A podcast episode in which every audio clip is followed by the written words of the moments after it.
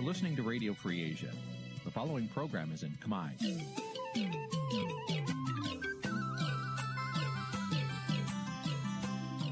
Nǐ chi càm bi tiệp xáy vệt chiu a zì sê ray នេះជាកម្មវិធីផ្សាយរបស់ Vithu Azisari ជាភាសាខ្មែរ វត្តឈូអាស៊ីសេរីសូមស្វាគមន៍លោកអ្នកនាងទាំងអស់ពីរដ្ឋធានី Washington នៃសហរដ្ឋអាមេរិក ចាប់ផ្សាយផ្ទាល់ពីរដ្ឋធានី Washington នេះខ្ញុំខែសុណងសូមជម្រាបសួរលោកនាងកញ្ញាប្រិយមិត្តអ្នកស្ដាប់និងអ្នកទស្សនាការផ្សាយរបស់វិទ្យុអាស៊ីសេរីទាំងអស់ជាទីមេត្រីចា៎នាងខ្ញុំសូមជូនកម្មវិធីផ្សាយសម្រាប់យប់ថ្ងៃពុធ3រោចខែមករាឆ្នាំឆ្លូវត្រីស័កពុទ្ធសករាជ2565ដែលត្រូវនៅថ្ងៃទី22ខែធ្នូគ្រិស្តសករាជ2021ចា៎ជាដំបូងនេះសូមអញ្ជើញលោកនាងស្ដាប់ព័ត៌មានប្រចាំថ្ងៃដែលមានមេតិការដូចតទៅ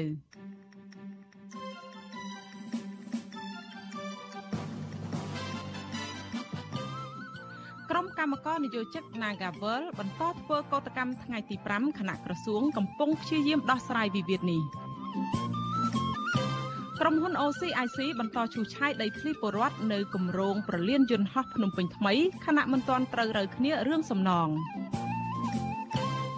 គណៈបកភ្លើងទៀនកំពុងរកសម្លេងគាំទ្រនិងពង្រឹងកម្លាំងមូលដ្ឋាននៅភូមិភាគពាយ័ព្យ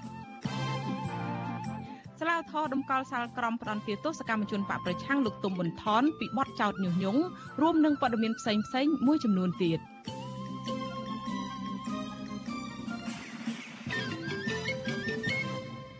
ចាជាបន្តទៅនេះនាងខ្ញុំខែសុណងសូមជូនព័ត៌មានទាំងនេះពិស្ដា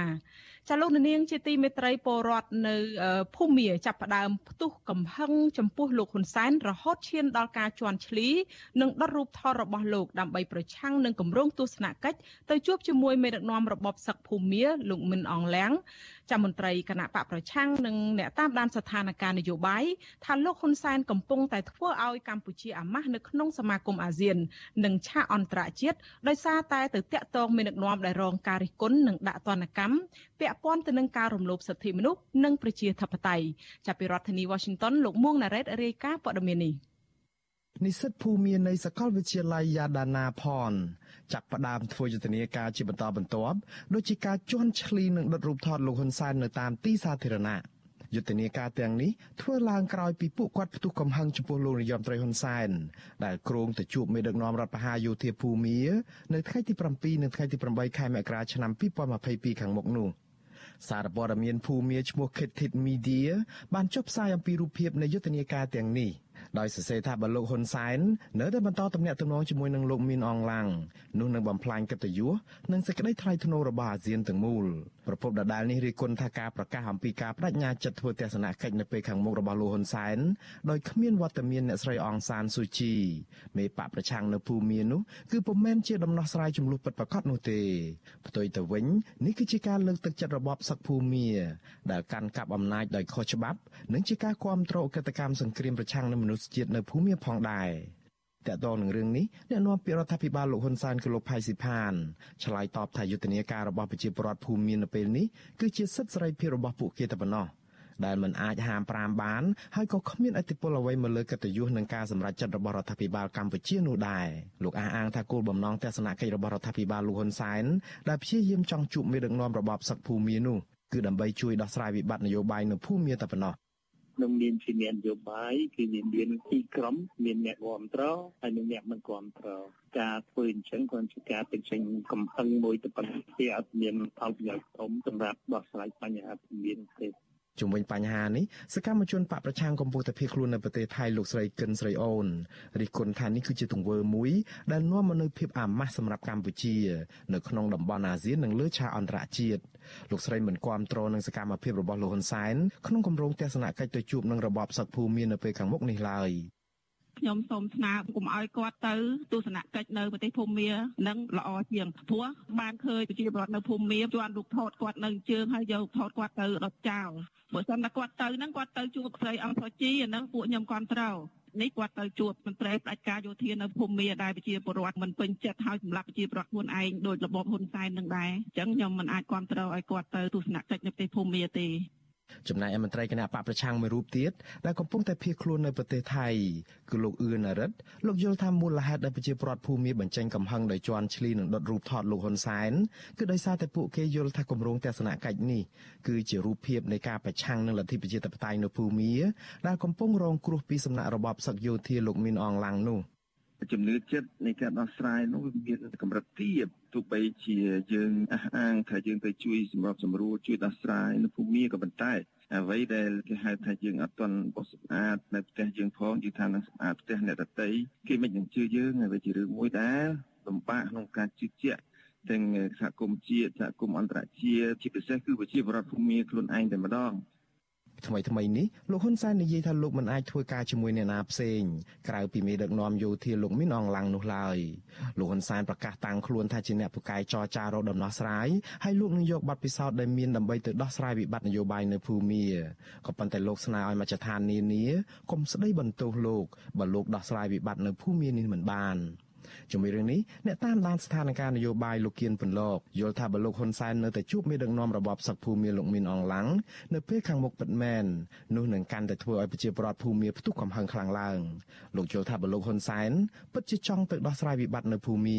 គឺចាំបាច់ត្រូវទៅទៅជួបមេដឹកនាំបពប្រឆាំងអ្នកស្រីអងសានស៊ូជីផងដែរជាពិសេសលោកថារដ្ឋាភិបាលកម្ពុជាត្រូវតែដោះស្រាយវិបត្តិនយោបាយផ្ទៃក្នុងប្រទេសសិនមុននឹងឈានទៅដោះស្រាយវិបត្តិនៅភូមា ធ្វើបែបនេះគឺហាក់បីដូចជាផ្កើនទៅនឹងប្រទេសលោកសេរីជាពិសេសគឺសហរដ្ឋអាមេរិកហើយនិងសហភាពអឺរ៉ុបដែលកំពុងតែថ្កោលទោសទៅលើបបដឹកនាំយោធានៃប្រទេសភូមា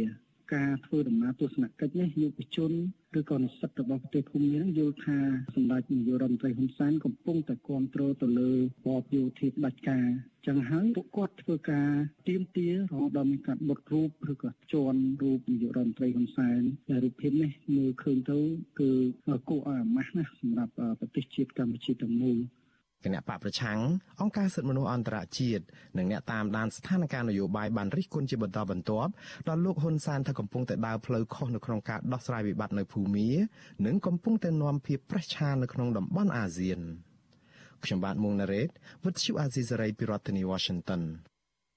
ចាលោករនាងកញ្ញាប្រិមត្តអ្នកស្ដាប់និងអ្នកទស្សនាការផ្សាយរបស់វិទ្យុអាស៊ីសេរីទាំងអស់ជាទីមេត្រីចាត់តាក់ទងទៅនឹងរឿងគណៈបកភ្លើងទៀនឯនេះវិញគណៈបកនេះកំពុងស្វាស្វែងរកសម្លេងគាំទ្រពីពលរដ្ឋនៅខេត្តបន្ទាយមានជ័យបាត់ដំបងនិងខេត្តបៃលិនគណៈការបោះឆ្នោតជ្រើសរើសក្រុមប្រឹក្សាឃុំសង្កាត់ឆ្នាំ2022កាន់តែខិតជិតចូលមកដល់មន្ត្រីសង្គមស៊ីវិលធ្វើការងារផ្នែកបោះឆ្នោតយល់ថាការធ្វើសកម្មភាពរបស់គណៈបកនានាគឺជាការផ្ដល់ជំរឿសដល់ប្រជាពលរដ្ឋនិងការសម្រេចចិត្តក្នុងការបោះឆ្នោតឲ្យគណៈបកដែលពួកគេគ្រប់គ្រងចាប់ពីរដ្ឋធានី Washington លោកសេចបណ្ឌិតមានសេចក្តីរាយការណ៍ព័ត៌មាននេះមេដឹកនាំគណៈបកភ្លើងទៀនប្រាប់អ្នកគ្រប់គ្រងខ្លួនថា បើពេលនេះគ្មានព្រះអាទិត្យដូច្នេះត្រូវយកភ្លើងទៀនជំនួសសិន ដើម្បីអាចស្ដារប្រជាធិបតេយ្យនិងលើកកម្ពស់សិទ្ធិមនុស្សឡើងវិញប្រធានស្ដីទីគណៈបកភ្លើងទៀនលោកថៃសេថាអះអាងថា ការចេញធ្វើនយោបាយរបស់គណៈបកភ្លើងទៀនឡើងវិញ មិនមែនជាការបែកបាក់នៃក្រមអ្នកប្រជាធិបតេយ្យទេប៉ុន្តែដើម្បីប្រមូលផ្ដុំអ្នកទាំងនោះឡើងវិញដែលបានបែកខ្ចាត់ខ្ចាយអស់រយៈពេល4ឆ្នាំមកនេះលោករំលឹកពលរដ្ឋដែលចូលរួមជាមួយនឹងគណៈបកនេះថាកុំឲ្យមានការភ័យខ្លាចលោកថ្លែងបែបប្រៀបធៀបថាការបាត់បង់ពន្លឺព្រះអាទិត្យធ្វើឲ្យអ្នកប្រជាធិបតេយ្យមើលមុខគ្នាអត់ឃើញដូច្នេះ គឺត្រូវការពន្លឺភ្លើងទៀនមកបំភ្លឺដើម្បីបន្តការតស៊ូតទៅមុខទៀតតើយើងនៅសង្ឃឹមពន្លឺព្រះអាទិត្យនឹងទៀតរះឡើងវិញនៅថ្ងៃស្អែកឬមួយក៏យើងត្រូវការភ្លើងទៀនដុតពន្លឺយកនេះដើម្បីទ្រលពន្លឺនៅក្នុងគ្រួសាររបស់យើងពេលអត់ពន្លឺព្រះអាទិត្យណាពេលយកពន្លឺភ្លើងទៀនមានតម្លៃណាស់មិនចឹងលោកថៃសេដ្ឋាលើកឡើងបែបនេះនៅក្នុងពេលជួបសកម្មជនគណៈបកភ្លើងទៀនជិត100នាក់ នឹងរៀបចំរចនាសម្ព័ន្ធគណៈបកនេះនៅខេត្តបៃលិន នៅថ្ងៃទី22ខែធ្នូក្រោយពីលោកជួបសំណេះសំណាលជាមួយនឹងសកម្មជននៅខេត្តបន្ទាយមានជ័យកាលពីថ្ងៃទី21ធ្នូប្រធានស្ដីទីគណៈបកភ្លើងទៀនរូបនេះក៏បន្តដំណើរទៅជួបអ្នកគាំទ្រនិងសកម្មជននៅខេត្តបាត់ដំបងបន្តទៀតនៅថ្ងៃទី23ធ្នូគណៈបកភ្លើងទៀនស្វះស្វែងរកការគាំទ្រពីពលរដ្ឋបែបនេះ គណៈការបោះឆ្នោតជ្រើសរើសក្រុមប្រឹក្សាឃុំសង្កាត់ឆ្នាំ2022កាន់តែខិតជិតចូលមកដល់លោកថៃសេដ្ឋាថាការពង្រឹងជើងក្រោមរបស់គណៈបកនៅតាមមូលដ្ឋាន គឺមានសារៈសំខាន់និងដើម្បីការពារសិលឹកឆ្នោតជូនពលរដ្ឋដែលបានបោះឆ្នោតជូនគណៈបកនេះលោកថាពេលគណៈបកមានកម្លាំងគ្រប់គ្រាន់និងទៀមទីឲ្យមានការកែតម្រង់គណៈកម្មាធិការជ្រៀបចំការបោះឆ្នោតផងដែរ តកតូននឹងការលើកឡើងរបស់ប្រធានស្ដីទីគណៈបកភ្លើងទៀនដែលថាយកភ្លើងទៀនមកជំនួសព្រះអាទិត្យអ្នកនាំពាក្យគណៈបកប្រជាជនកម្ពុជាលោកសុកអេសានយល់ថាគឺគ្រាន់តែជាវោហារសាស្ត្ររបស់អ្នកនយោបាយនិងមិនមានអ្វីគួរឲ្យចាប់អារម្មណ៍នោះទេលោកបន្តទៀតថាការដែលគណៈបកនេះរៀបចំជើងក្រោមដើម្បីការពារសិលឹកឆ្នោត និងមានចំហកែប្រែស្ថាប័នបោះឆ្នោត គឺគណៈបកនេះត្រៀមខ្លួនចាញ់និងឡំប៉ាមិនទទួលស្គាល់លទ្ធផលបោះឆ្នោតនាពេលខាងមុខ។ដល់ចាញ់អាលចោតគេថាបន្លំឆ្នោតស្លឹកឆ្នោតអានឹងមិនខុសអីពីតៃតបពប្រឆាំងនោះទេកន្លងទៅខ្លួនឯងចាញ់ឆ្នោតគេខ្លួនឯងថាគេបន្លំឆ្នោតអានឹងវាវាអញ្ចឹងខ្ញុំគាត់ថាអញ្ចឹងការលើកឡើងរបស់អឺមន្ត្រីរបស់បកភ្លើងទៀនហ្នឹងអានឹងត្រៀមចាញ់ហើយត្រៀមឡំប៉ាទៀត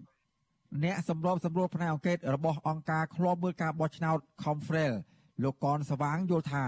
ការធ្វើសកម្មភាពនយោបាយរបស់គណៈបកភ្លើងទៀន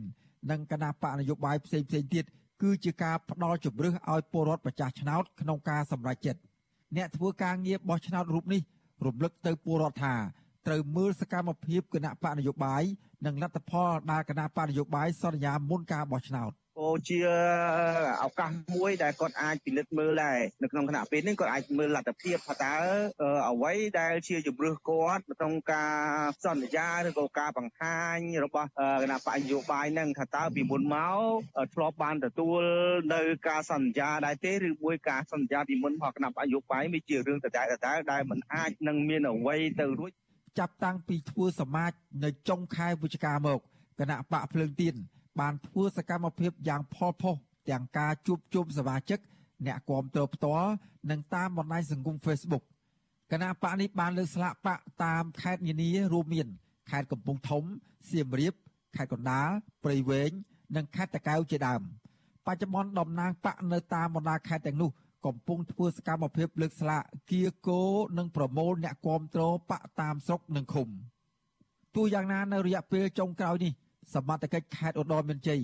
បានចាប់ខ្លួនសមាជិកគណៈបកសង្គ្រោះជាតិម្នាក់ដែលត្រៀមចូលរួមជាមួយនឹងគណៈបកភ្លើងទៀនកាលពីថ្ងៃទី15ខែធ្នូការធ្វើសកម្មភាពរបស់គណៈបកភ្លើងទៀនបែបនេះគណៈគណៈបកសង្គ្រោះជាតិនៅតែមិនទាន់មានតម្រុយណាមួយថានឹងរស់ឡើងវិញក្រោយតុលាការរំលាយចោលកាលពីឆ្នាំ2017ខ្ញុំបាទសេកបណ្ឌិតវុទ្ធុអាស៊ីសេរីពីរដ្ឋធានីវ៉ាស៊ីនតោន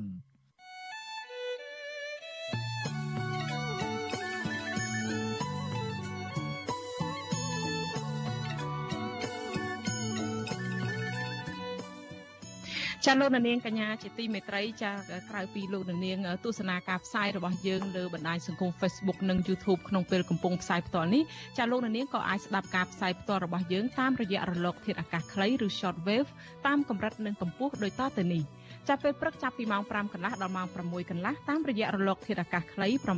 9390 kHz ស្មើនឹងកម្ពស់ 32m និង11800 kHz ស្មើនឹងកម្ពស់ 25m ចានៅពេលយប់ពីម៉ោង7កន្លះដល់ម៉ោង8កន្លះតាមរយៈរលកធាតុអាកាសខ្លី9390 kHz ស្មើនឹងកម្ពស់ 32m និង15155 kHz ស្មើនឹងកម្ពស់ 20m ចាសសូមអរគុណ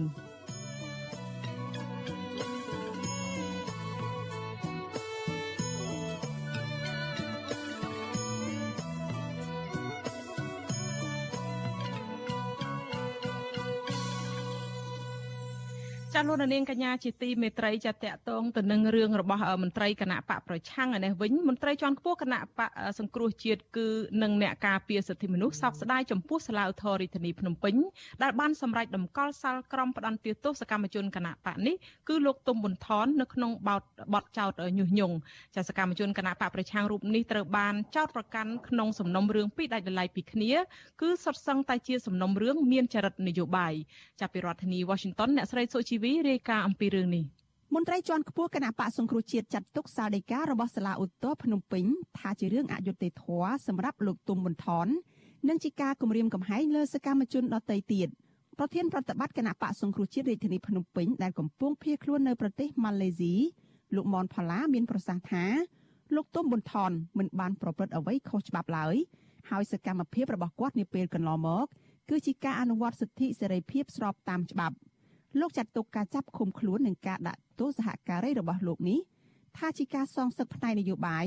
និងជាការបំផិតបំភ័យលើសកម្មជនគណបកប្រឆាំងនៅមុនការបោះឆ្នោតមកដល់។ ចំណាត់ការរបស់អាជ្ញាធរក៏ដូចជា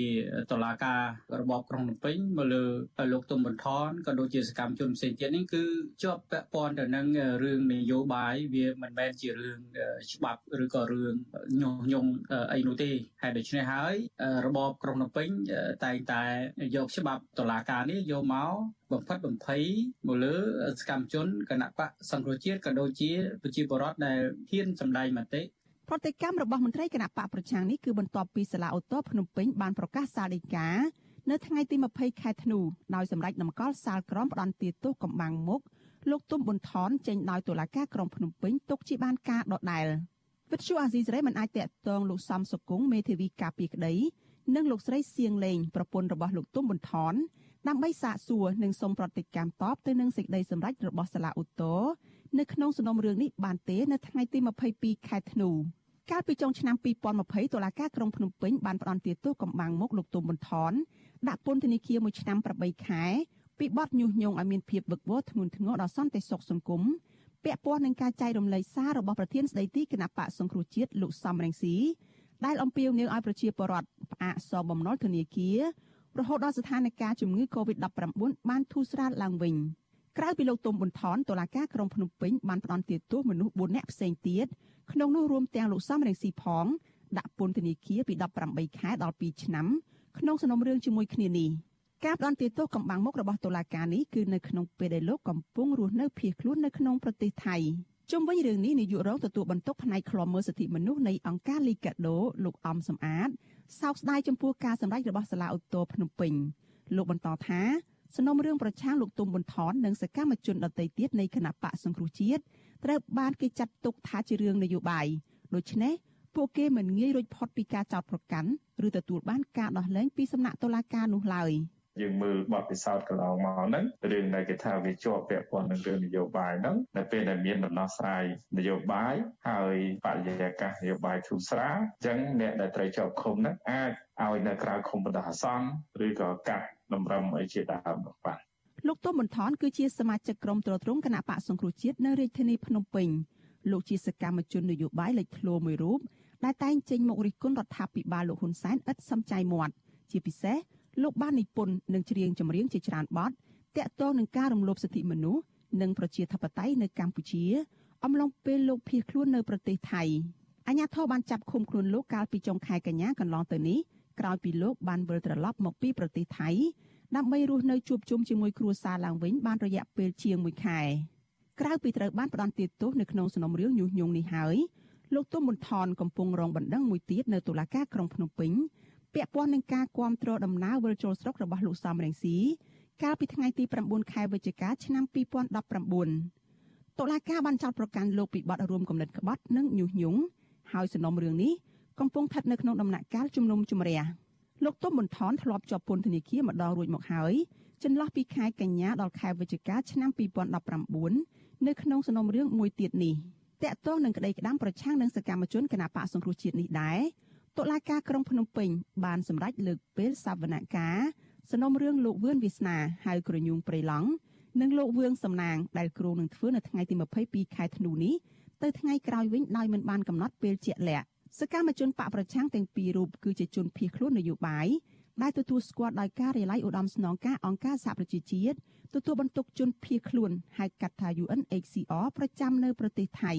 ប៉ុន្តែលោកទាំងពីរត្រូវបានអាជ្ញាធរថៃចាប់បញ្ជូនឲ្យអាជ្ញាធរកម្ពុជា កាលពីដើមខែវិច្ឆិកាហើយពេលនេះកំពុងជាប់ឃុំបណ្ដោះអាសន្ននៅក្នុងពន្ធនាគារព្រៃសរក្រោមបទចោទរួមគំនិតក្បត់និងញុះញង់ ជុំវិញការធ្វើទុកបុកម្នេញលើសកម្មជនគណបកប្រឆាំងនាពេលចុងក្រោយនេះឧត្តមក្រុមប្រឹក្សាសិទ្ធិមនុស្សអង្គការសហប្រជាជាតិបានចេញសេចក្តីថ្លែងការណ៍អំពាវនាវដល់អាជ្ញាធរថៃឲ្យបញ្ឈប់ការចាប់បញ្ជូនជនភៀសខ្លួនទៅប្រទេសកំណើតដោយបង្ខំបែបនេះតទៅទៀតស្ថាប័នកម្ពុជាផ្នែកសិទ្ធិមនុស្សមួយនេះក៏បានទៅទូចផងដែរដល់អាជ្ញាធរកម្ពុជាឲ្យទម្លាក់ចោលបទចោទប្រកាន់ដែលមានចរិតនយោបាយប្រឆាំងសកម្មជននយោបាយហើយដោះលែងពួកគេមកវិញជាបន្ទាន់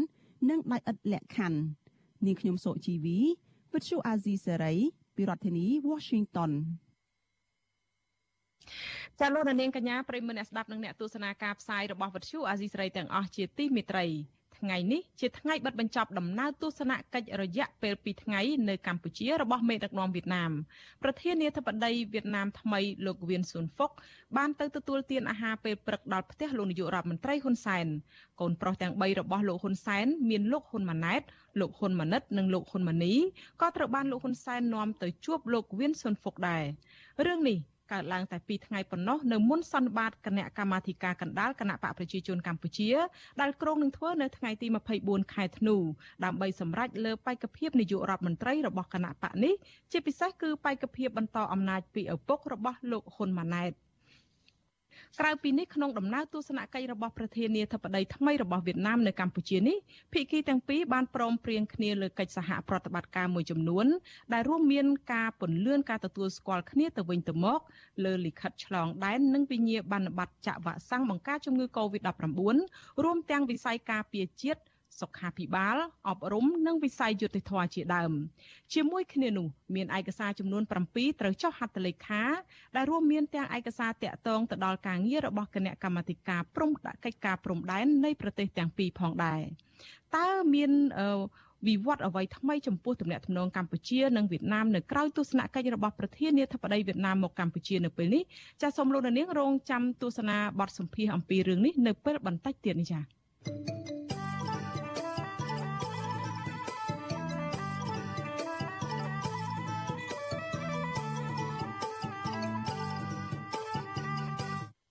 ចាលោកនាងកញ្ញាប្រិមិត្តដែលកំពុងទស្សនានិងស្ដាប់ការផ្សាយរបស់វិទ្យុអាស៊ីសេរីទាំងអស់ជាទីមេត្រីចាលោកនាងដែលមានចំណាប់អារម្មណ៍ឬក៏មានបំណងប្រាថ្នាអ្វីខ្លះនោះសម្រាប់ក្នុងឱកាសឆ្នាំថ្មីឆ្នាំ2022ខាងមុខនេះចាសូមលោកនាងអាចថតរូបថតឬក៏ផ្ញើសារសម្លេងរបស់លោកអ្នកជាវីដេអូឬ selfie ចាដោយផ្ញើទៅ Messenger Facebook page របស់វិទ្យុអាស៊ីសេរីចាយើងនឹងជ្រើសរើសយកវីដេអូទាំងនោះទៅចាក់ផ្សាយនៅក្នុងការផ្សាយផ្ទាល់របស់វិទ្យុអាស៊ីសេរីចាសសូមអរគុណ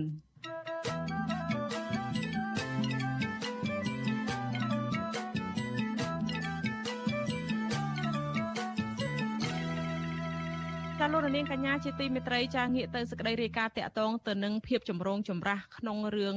ការតវ៉ារបស់ក្រុមហ៊ុនបុគ្គលិកក្រុមហ៊ុន Casino Nagavel ឯនោះវិញបុគ្គលិកក្រុមហ៊ុនបនលបៃ Nagavel ជិត2000នាក់នៅតែបន្តធ្វើកោតកម្មដោយសន្តិវិធី នៅសួនច្បារមុខក្រុមហ៊ុន ទី1ចាស់ចូលដល់ថ្ងៃទី5ហើយដើម្បីទាមទារឲ្យតកែក្រុមហ៊ុនទទួលយកសហជីពនិងសមាជិកសរុបជាង300នាក់ចូលធ្វើការវិញ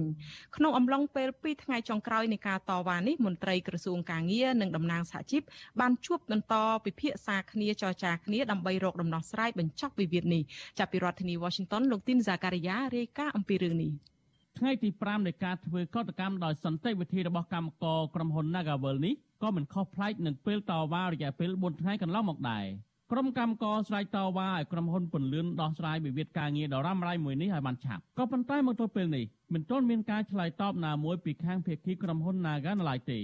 សកម្មជនសហជីពទ្រទ្រង់សិទ្ធិការងារបុគ្គលិកកម្មករខ្មែរនៅក្រុមហ៊ុន Nagavel កញ្ញាណប់ទឹកបូរាវី ប្រាប់វិទ្យុអាស៊ីសេរីនៅថ្ងៃទី22ធ្នូថាក្រុមស្ត្រីមានផ្ទៃពោះស្ត្រីមានកូនតូចនិងបុគ្គលិកធ្វើការឲ្យក្រុមហ៊ុន Nagavel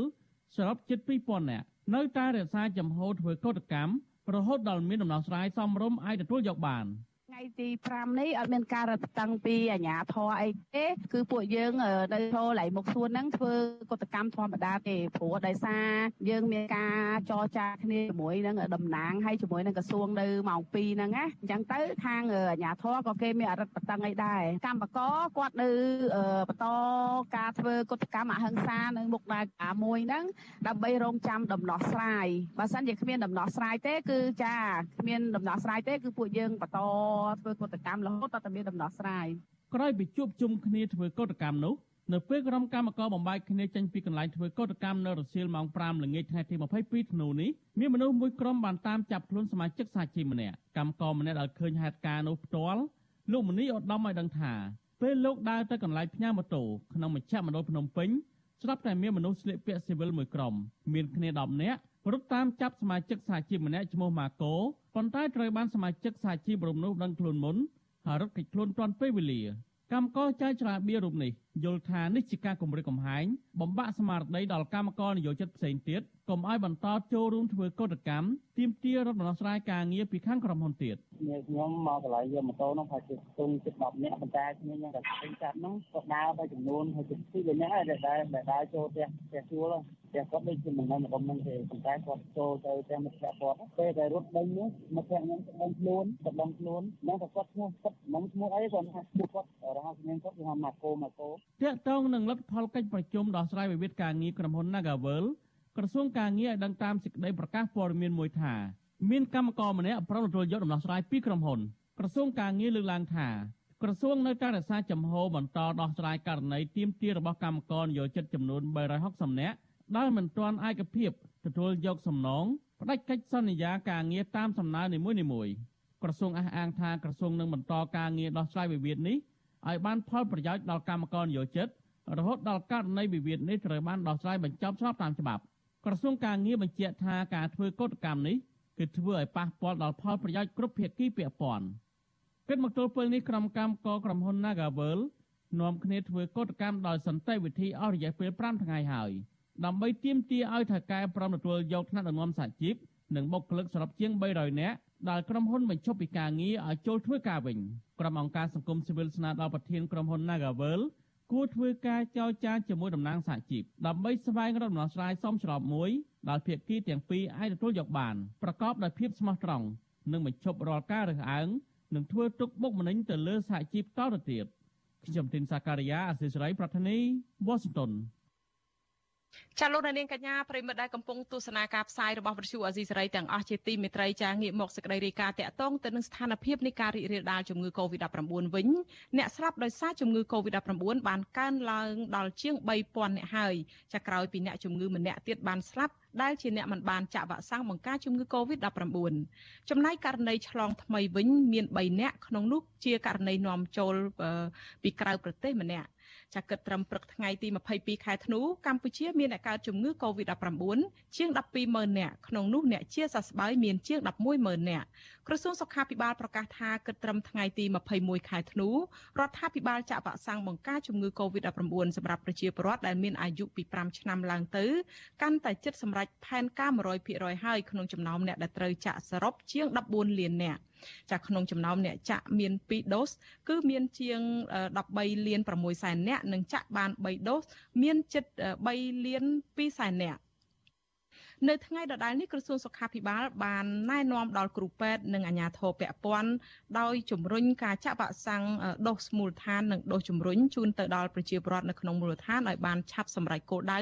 ដោយខិតខំព្យាបាលជំងឺនៅតាមមន្ទីរពេទ្យនិងតាមផ្ទះរួមទាំងណែនាំដល់ប្រជាពលរដ្ឋឲ្យបន្តអនុវត្តវិធានសុខាភិបាលឲ្យបានត្រឹមត្រូវដើម្បីទប់ស្កាត់បង្ការការរាតត្បាតជំងឺ Covid-19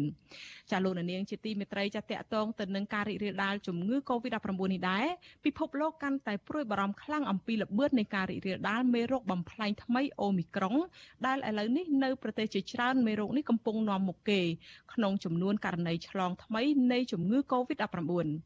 ចាក្នុងពេលជាមួយគ្នានេះនៅកម្ពុជាបើតាមក្រសួងសុខាភិបាលចំនួនអ្នកឆ្លងថ្មីធ្លាក់ចុះទាបខ្លាំង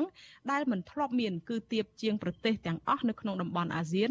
និងនៅប្រទេសជាច្រើនទៀតនៅលើពិភពលោកតើនេះបណ្ដាលមកពីមូលហេតុអ្វី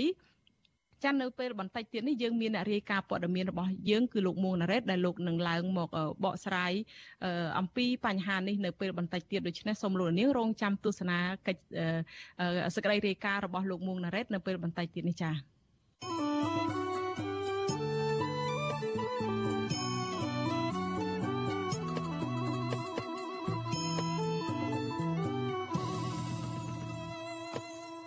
ចាលោកនាងកញ្ញាជាទីមេត្រីចាតកតងទៅនឹងសេចក្តីរាយការណ៍អំពីការវិវាទដីធ្លីវិញម្ដងចាក្រុមហ៊ុន OCIC ដែលទទួលបានសិទ្ធិសាងសង់ប្រលានយន្តហោះថ្មីនៅក្នុងខេត្តកណ្ដាលនៅតែបន្តប្រើគ្រឿងចាក់គាស់កាយផ្លូវទំនប់និងឈូសឆាយរំលោភយកដីធ្លីប្រជាពលរដ្ឋដោយប្រមានចាប់ខ្លួនអ្នកភូមិ ដែលហ៊ានថតសកម្មភាពរបស់ពួកគេចាក្រមប្រជាពលរដ្ឋអះអាងថាពួកគាត់មិនជំទាស់ទៅនឹងការសាងសង់របស់ក្រុមហ៊ុននោះឡើយតែស្នើសុំឲ្យរដ្ឋាភិបាលពន្យាការដោះស្រាយវិវាទដីធ្លីនេះឲ្យបានឆាប់ដោយផ្ដល់សំណងមួយដែលអាចទទួលយកបានចាសូមស្ដាប់សេចក្តីរាយការណ៍របស់លោកសនរដ្ឋាអំពីរឿងនេះចំនួនដីធ្លីរវាងបរដ្ឋ3ឃុំក្នុងខេត្តកណ្ដាលនិងមួយឃុំក្នុងខេត្តតាកែវជាមួយក្រុមហ៊ុន OCIC របស់អាញាពុងខៀវសែប្រជាប្រដ្ឋនៅមិនទាន់ទទួលបានដំណោះស្រាយនៅឡើយទេ គណៈខាងក្រុមហ៊ុនបន្តសកម្មភាពរំលោភយកដីប្រព័ន្ធដោយគ្មានផ្ដល់សំណងសមរម្យណាមួយទេ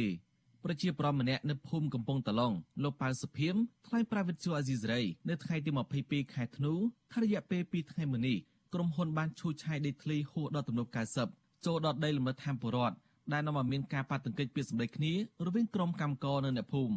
លោកបន្តថាអភិបាលស្រុកកណ្ដាលស្ទឹងលោកអូសាវឿន មិនបានឈប់រយន្តចោះដោះស្រាយបញ្ហាជុំបរដ្ឋនៅទីតាំងដីមានដំណោះទេបែរជាធ្វើដំណើរជិះចូលទៅក្នុងការដ្ឋានក្រុមហ៊ុនទៅវិញលោកសោកស្ដាយនឹងទង្វើរបស់អាញាធរដែលបន្តអូម៉ាឡៃវិវាទនេះដោយមិនពលិដោះស្រាយជូនដល់បរដ្ឋបែរជាបាក់ដៃឲ្យភេកីក្រុមហ៊ុនធ្វើសកម្មភាពតាមអំពើចិត្តគេអត់មានលទ្ធផលអីអត់បើស្រុកគេចង់ជួបយើងគេនិយាយល្អបើគេយើងទេទៅសួរគេគេថាគេរវល់គេឆ្លើយតែរវល់សិលមិញប្រាប់បងប្អូនខ្ញុំហ្នឹងទេទៅចវាយស្រុក គាត់ឆ្លើយថាគាត់រវល់ប្រជុំគាត់បាត់ទៅគាត់និយាយតែប៉ុណ្្នឹងចប់អញ្ចឹងដំណោះស្រាយខាងអាជ្ញាធរគឺដូចអត់មានអីចេញហ្មងអាជ្ញាធរខេត្តស្រុកហ្នឹងគឺអត់អត់មានអីជាស្ដាច់ដុំកំភួនទេទេបងវិទ្យុអស៊ីសេរីមិនតរឲ្យសុំការឆ្លើយតបរឿងនេះពីតំណាងក្រុមហ៊ុន OCIC នៅប្រលានយន្តហោះភ្នំពេញថ្មីលោកជូកុកសាយអភិបាលស្រុកកណ្ដាលស្ទឹងលោកអ៊ុយសាវឿននិងអភិបាលខេត្តកណ្ដាលលោកកុងសុផាន់បានទេ នៅថ្ងៃទី22ខែធ្នូ ដោយហៅទូរស័ព្ទចូលតែពុំមានអ្នកទទួលជុំវិញរឿងនេះអ្នកសម្របសម្រួលគម្រោងធុរកិច្ចនិងសិទ្ធិមនុស្សនៃមជ្ឈមណ្ឌលសិទ្ធិមនុស្សកម្ពុជាលោកវ៉ាន់សុផាតសង្កេតឃើញថាវិវាទដីធ្លីមួយនេះនៅតែមិនមានអាជ្ញាធរឬក៏ស្ថាប័នណាហ៊ានចេញមុខពន្លឿនដោះស្រាយជូនដល់ប្រជាពលរដ្ឋក្រៅពីប្រាប់ឲ្យប្រជាពលរដ្ឋលក់ដីឲ្យក្រុមហ៊ុនតម្លៃ8ដុល្លារក្នុង1ម៉ែត្រការ៉េលោកបន្តថាបញ្ហាដែលអាជ្ញាធរថ្នាក់ជាតិនិងក្រោមជាតិមិនអាចហ៊ានអាកាត់ដោះស្រាយរឿងនេះបាន ដោយសារតែរដ្ឋាភិបាលគឺជាអ្នកផ្ដល់សិទ្ធិឲ្យក្រុមហ៊ុន OCSC ធ្វើការសាងសង់ពលានយន្តហោះមួយនេះលោកយល់ថារដ្ឋាភិបាលគួរពន្លឿនដោះស្រាយជូនដល់ប្រជាពលរដ្ឋដោយផ្ដល់សំណងសមរម្យណាមួយជូនដល់ប្រកបដែលបានឆាំដើម្បីឲ្យប្រកបយកប្រាក់ទៅទិញដីនៅរបំផ្សេងរនៅដោយសារតែប្រជាពលរដ្ឋមិនដែលប្រឆាំងនឹងគម្រោងអភិវឌ្ឍរបស់រដ្ឋាភិបាលម្ដងណាទេធ្វើ អញ្ចឹងវាធ្វើឲ្យជាបរិវត្តនឹងរងគ្រោះហើយបន្តិចទៀតទៅគាត់រកដីនៅអត់បានមិនដឹងជាគាត់ទៅនៅកន្លែងណាអាហ្នឹងវាធ្វើឲ្យនៃរដ្ឋាភិបាលហ្នឹងកាន់តែជិះក្បាលដោយសារតែកំណើននៃភាពក្រីក្រហ្នឹងហើយបើសិនជាមានការពង្រឹងកតើមិនមានការដោះស្រាយទេខ្ញុំឃើញថាបញ្ហាហ្នឹងវាកាន់តែធ្វើឲ្យធ្ងន់ធ្ងរទៅសម្រាប់បណ្ដេញយុវជនចំនួនក្រោយពិសេសគឺសម្រាប់បណ្ដេញកូនចៅរបស់នៃថ្នាក់ដឹកនាំទាំងអស់ដែលត្រូវខ្លាយទៅជាអ្នកដឹកនាំថ្ងៃក្រោយទៀតវានឹងទទួលទម្ងន់រងពីអដែងអ្នកដឹកនាំចំនួនហ្នឹងណាបាទកាលពីថ្ងៃទី9ខែធ្នូកន្លងទៅលោកនាយករដ្ឋមន្ត្រីហ៊ុនសែនបានទៅទស្សនកិច្ចពិនិត្យមើលការដ្ឋានសាងសង់ប្រលានយន្តហោះថ្មីក្នុងខេត្តកណ្ដាលក៏ប៉ុន្តែលោកមិនបានលើកជាសាធារណៈអំពីដំណោះស្រាយជូនដល់ប្រជាពលរដ្ឋដែលរងផលប៉ះពាល់ពីគម្រោងរបស់រដ្ឋាភិបាលក្នុងតំបន់នោះទេប្រជាពលរដ្ឋដឹងថាពួកគាត់តែងតែព្យាយាមរកដំណោះស្រាយពីក្រសួងណែដីក្រសួងមហាផ្ទៃខុទ្ទកាល័យលោកនាយករដ្ឋមន្ត្រីហ៊ុនសែននិងមន្ត្រីរដ្ឋសភាយូរឆ្នាំហើយក៏ប៉ុន្តែមកទល់ពេលនេះ គ្មានស្ថាប័នរដ្ឋណាមួយឲ្យតំណាងពួកគាត់ទៅពិភាក្សាដើម្បីរកដំណោះស្រាយណាមួយជាមួយភាគីក្រុមហ៊ុននោះទេចំនួនដីធ្លីជាមួយក្រុមហ៊ុន OCSC របស់អាញាពងខៀវសែជាមួយនឹងប្រជាប្រដ្ឋសរុបជាង300គ្រួសារនៅស្រុកកណ្ដាលស្ទឹងខេត្តកណ្ដាលអូបន្លាយជាង3ឆ្នាំហើយដោយពលរដ្ឋមិនព្រមទទួលយកសំណងដែលអាញាធិបផ្ដល់ឲ្យចន្លោះពី3ដុល្លារទៅ8ដុល្លារក្នុង1ម៉ែត្រការ៉េនោះទេក្រុមហ៊ុនសាជីវកម្មវិនិយោគក្រៅប្រទេសកម្ពុជាហៅកាត់ថា OCSC របស់អង្គការពងខៀវសែដែលជាអ្នកជំនួយស្និទ្ធនឹងនាយករដ្ឋមន្ត្រីហ៊ុនសែនបានទទួលសិទ្ធិសាងសង់បរិយាកាសខ្នាតអន្តរជាតិមួយនៅទីនោះតាមគម្រោងក្រុមហ៊ុននឹងសាងសង់រួចរាល់នៅឆ្នាំ2023ប្រលានយន្តហោះថ្មីនេះវិនិយោគក្នុងទឹកប្រាក់ប្រមាណជាង1000លានដុល្លារលើផ្ទៃដីជិត3000ហិកតាប្រជាប្រដ្ឋដែលរងផលប៉ះពាល់ពីគម្រោងនេះស្នើសុំនាយករដ្ឋមន្ត្រីហ៊ុនសែនដោះស្រាយបញ្ចប់បញ្ហាដីធ្លីនេះប្រជាប្រដ្ឋបញ្ជាក់ថាពួកគាត់នៅតែបន្តការតវ៉ា រហូតដល់មានដំណោះស្រាយសមរម្យណាមួយដែលអាចទទួលយកបានខ្ញុំសនចាររថាវិទ្យុអេស៊ីសរ៉ៃរាយការណ៍ពីរដ្ឋធានីវ៉ាស៊ីនតោន ចាលោករនាងកញ្ញាជាទីមេត្រីចាតតងទៅនឹងរឿងទំនាស់ដីធ្លីដែននៅឯខេត្តប្រស័យអនុឯនេះវិញប្រជាពលរដ្ឋប្រមាណ60គ្រួសារចោទក្រុមហ៊ុន Fu Hai Investment ថាបានឈូសឆាយផ្ទះសម្បែងរបស់ពួកគេនិងឈូសឆាយដីកសិកម្មព្រមទាំងបំផ្លិចបំផ្លាញដំណាំមួយចំនួនដោយពុំផ្ដល់សំណងសមរម្យចាអ្នកភូមិចាត់ទុកទង្វើរបស់ក្រុមហ៊ុននេះថាជារឿងអយុត្តិធម៌និងជាការធ្វើបាបប្រជាពលរដ្ឋក្រីក្រមិនអាចទទួលយកបានចាប់ពីរដ្ឋធានី Washington លោកជាតិចំណានរាយការណ៍អំពីព័ត៌មាននេះ ពលរដ្ឋរងគ្រោះទាំងនោះរស់នៅក្នុងភូមិកគីឃុំបាត្រាំងខេត្តប្រសេអនុបានប្រាប់វិសុអេស៊ីសរ៉ៃនៅថ្ងៃទី22ខែធ្នូថាក្រុមហ៊ុន Fu Hai Investment បានដឹកគ្រឿងចាក់ឈូសឆាយផ្ទះសម្បែងរបស់ពួកគាត់ជិតមួយសប្តាហ៍មកហើយតែមិនបានផ្ដល់ដំណឹងជាមុននិងរកដំណោះស្រាយជូនពួកគេនៅឡើយអ្នកភូមិបញ្ជាក់ថាការដោះស្រាយរបស់អាជ្ញាធរនិងតំណាងក្រុមហ៊ុន ជារឿងអយុត្តិធម៌ដោយសារតែក្រុមហ៊ុនផ្ដល់សំណងត្រឹមតែ10%នៃទំហំដីផ្ទះដែលពួកគេបាត់បង់ និងផលដំណាំដែលក្រុមហ៊ុនបានជួសឆាយបំផ្លាញអ្នកភូមិក៏គីថាបើទោះបីជាពលរដ្ឋបានជួបចរចាជាមួយក្រុមហ៊ុនតែមិនបានផ្ដល់សំណងសមរម្យជូនពួកគេក៏ក្រុមហ៊ុននៅតែបន្តជួសឆាយផ្ទះសម្បែងហើយពលរដ្ឋមួយចំនួនបានត្រឹមតែយំសង្វែកសោកស្ដាយផ្ទះសម្បែងដីធ្លីនិងផលដំណាំមួយចំនួនធំដែលក្រុមហ៊ុនបំផ្លាញរំលោភបំពានទាំងអយុធធរលើសពីនេះសកម្មភាពឈូសឆាយផ្ទះសម្បែងពលរដ្ឋកន្លងមកនេះក្រុមហ៊ុននិងអាជ្ញាធររដ្ឋបិទគម្រាមកំហែងអ្នកសារព័ត៌មាន និងប្រជាពលរដ្ឋមិនអោយផ្តិតយករូបភាពនៅតាមតំបន់នោះឡើយជាងនេះទៅទៀតក្រុមហ៊ុនបានប្រើប្រាស់ដ្រូនឬយន្តហោះគ្មានមនុស្សបើកខ្លំមើលតាមដានពលរដ្ឋណាដែលហ៊ានថតផ្តិតយករូបភាពនៅពេលដែលក្រុមហ៊ុនកំពុងឈូសឆាយផ្ទះរបស់អ្នកភូមិពលរដ្ឋម្នាក់ក្នុងចំណោមពលរដ្ឋរងគ្រោះថ្លែងសុំមិនបញ្ចេញឈ្មោះថាក្រុមហ៊ុនបានឈូសឆាយផលដំណាំនិងរបងផ្ទះរបស់លោកដោយបង្ខំឲ្យទទួលយកសំណងតិចតួចលោកអះអាងថាដីរបស់លោក មានទំហំជិត2000ម៉ែត្រការ៉េ ហើយក្រុមហ៊ុនផ្ដល់សំណងតែ15%នៃទំហំដីនិងផលដំណាំដែលក្រុមហ៊ុនបានរំលោភបំពានលោកចាត់ទុកទង្វើរបស់ក្រុមហ៊ុននេះកំពុងបំពានដីធ្លីរបស់អ្នកភូមិ ឈូសហើយគេឲ្យយើងទៅចរចាមួយគេអឺគេថាអត់ឲ្យថតទេតែថតគេវាយទាំងផ្ទះទៀតហើយខ្ញុំវាខ្លាចហើយវាហើយចឹងក៏គេកាយលបងកាយដំណាំនឹងវាដំណាំវាអស់តិចដែរទេកាយប៉ិនលបងកាយអស់ហើយជុំវិញផ្ទះហ្នឹងចានិយាយទទួលយកបើមិនទទួលយកងាយហ្នឹងគេវាយផ្ទះទៀតហើយគេគេឈូសទាំងអស់ហ្មងគេអត់ទុកទេតើប្រជាជននេះទាំងអស់គឺទទួលយកទាំងទឹកភ្នែកទាំងអស់ហ្មងអត់មានតែអ្នកណាមួយទទួលយកដែលស្ដីដែរសบายចិត្តទេអត់មាន ពលរដ្ឋម្នាក់ទៀតថ្លែងសូមមិនបញ្ចេញឈ្មោះនិងសម្លេងថាក្រុមហ៊ុនបានឈូសឆាយផ្ទះនិងផលដំណាំរបស់លោកស្រីអស់ក្បាលដីចំនួន6ម៉ែត្របណ្ដោយ25ម៉ែត្រទើបក្រុមហ៊ុនហៅលោកស្រីទៅទទួលយកសំណងទាំងបង្ខំលោកស្រីថាគ្មានជំរឿសអ្វីក្រៅពីទទួលសំណងទាំងទឹកភ្នែកនោះទេព្រោះលោកស្រីគ្មានសមត្ថភាពប្តឹងតវ៉ាជាមួយបុគ្គលមានលុយមានអំណាចនោះទេវិសុវអស៊ីសេរីបានព្យាយាមសុំការបកស្រាយពីតំណាងក្រុមហ៊ុននិងមេធាវីរបស់ក្រុមហ៊ុន Fu Hai លោកខៀវសម្បូរប៉ុន្តែទូរស័ព្ទចូលគ្មានអ្នកទទួល ចំណែកអ្នកនាំពាក្យសាលាខេត្តប្រសេអនុលោកខៀងភិរមក៏មិនអាចតាក់ទងបានដែរនៅថ្ងៃទី22ខែធ្នូប៉ុន្តែមេឃុំបិទត្រាំងលោកមៀតច័ន្ទឲ្យដឹងយ៉ាងខ្លីថាប្រជាពលរដ្ឋទាំងនោះបានរស់នៅលើដីក្រុមហ៊ុនដែលមានអនុក្រឹត្យពីរដ្ឋាភិបាលដើម្បីវិនិយោគក្នុងតំបន់នោះលោកបន្តថាក្រុមហ៊ុននឹងផ្ដល់សំណងទៅតាមទំហំដីដែលពលរដ្ឋបាត់បង់នឹងចេញបានកាន់កាប់ដីធ្លីដោយស្របច្បាប់ អញ្ចឹងដីទាំងអស់ដែលក្រុមហ៊ុនមាននោះដែលប្រជាជនគាត់ទៅរស់នៅលើដីក្រុមហ៊ុនទេនៅឆ្នាំ2017 2018របស់យើងកន្លងមកហើយអញ្ចឹងនៅពេលបច្ចុប្បន្ននេះក្រុមហ៊ុនក៏គាត់មានអនុក្រឹត្យវិនិយោគនៅលើទីតាំងដីរបស់គាត់អញ្ចឹងក្រុមហ៊ុនក៏មានគោលការណ៍ដោះស្រាយជូនដីប្រជាពលរដ្ឋវិញទៅតាមទំហំជាក់ស្ដែងរបស់គាត់អ្នកខ្លះអញ្ចឹងទៅទីហោថាដីគាត់ធំអញ្ចឹងគាត់បាន8 9ឡូក្បាល5 20អញ្ចឹងទៅជួនកាលបាន8ឡូ9ឡូ3ឡូហើយពួកគាត់នឹងទទួលទទួលសំណងទៅតាមទស្សនវិជ្ជាទំហំដីជាក់ស្ដែងរបស់គាត់ក្រុមហ៊ុននឹងធ្វើបានកម្មសិទ្ធិជូនគាត់ទៀតកាលពីចុងឆ្នាំ2020លោកនាយករដ្ឋមន្ត្រីហ៊ុនសែនបានកាត់ជ្រៀតដីគម្របព្រៃលិចទឹកឆ្នាំ2002ចំនួន25ហិកតាបន្ថែមទៀតផ្ដល់ឲ្យក្រុមហ៊ុន Fu Hai តំណាងដោយលោករតនសម្បត្តិដែលជាអ្នកចំនួនស្និទ្ធនឹងលោកធ្វើអនុប្រយោគជាដីឯកជនរបស់រដ្ឋអ្នកខ្លោមើលសង្គមសង្កេតឃើញថាលោកហ៊ុនសែន តែងតែកាត់ជ្រៀតដីគម្របព្រៃលិចទឹកឆ្នាំ2002ជាបន្តបន្ទាប់ទៅឲ្យក្រុមគ្រួសាររបស់លោកនិងជនជាតិចិនដែលមានទំនាក់ទំនងជាមួយនឹងមន្ត្រីក្រាក់ក្រាក់ក្នុងជួររដ្ឋាភិបាលក្រុមហេតុផលអភិវឌ្ឍតំបន់នោះឲ្យក្លាយជាទីក្រុងទំនើបជុំវិញរឿងនេះអ្នកសម្របសម្រួលសមាគមអាត60ប្រចាំខេត្តព្រះសីហនុអ្នកស្រីជីបសុធារីមានប្រសាសន៍ថាដីនៅតំបន់នោះប្រជាពលរដ្ឋកាន់កាប់និងប្រកបរបរនេសាទធ្វើស្រែចម្ការតាំងពីមិនទាន់មានវត្តមានរបស់ក្រុមហ៊ុន ព្រមទាំងមានការទទួលស្គាល់ពីអាជ្ញាធរមូលដ្ឋានលោកស្រីបន្តថាកន្លងមកក្រុមហ៊ុនបានដាក់លិខិតស្នើសុំទៅសាលាដំបងខេត្តព្រះសីហនុដើម្បីរៀបចំអភិវឌ្ឍបណ្ដោះអាសន្នប៉ុន្តែប្រជាពលរដ្ឋតែងតែប្តឹងជំទាស់អ្នកស្រីយល់ថាវាជារឿងអយុត្តិធម៌សម្រាប់ពលរដ្ឋដែលបានកាន់កាប់ដីធ្លីតាំងពីតំបន់មិនទាន់មានការអភិវឌ្ឍ ប៉ុន្តែត្រូវបានក្រុមហ៊ុនរំលោភយកហើយផ្ដាល់សំណងមិនសមរម្យដល់ក្រុមហ៊ុនហ្នឹងចេះតែមកបញ្ចុះបញ្ចូលខ្លះកំផិត20ខ្លះគម្រាមកំហែងខ្លះអញ្ចឹងទៅជាប្រន់អ្នកខ្លាំងគាត់ព្រួយបារម្ភពីសុខភាពពីខ្លាខ្លាចបាត់បង់ដីធ្លីរបស់គាត់ហ្នឹងគាត់តាគាត់សុខចិត្តទៅទទួលយកអាការដោះស្រាយឲ្យដីយើងមានប៉ុន្មានឲ្យ15%ឬក៏10%អីអញ្ចឹងណាបើមិនបានអីក៏គួរណាស់តែឲ្យមានដំណោះស្រាយមួយដែរដោយមានការព្រមព្រៀងគ្នាឲ្យច្បាស់លាស់ឥឡូវហ្នឹងដោះស្រាយឲ្យតែដីចុះអាការរុះរើបំផ្លាញផ្ទះគាត់អ្នកភូមិអះអាងថា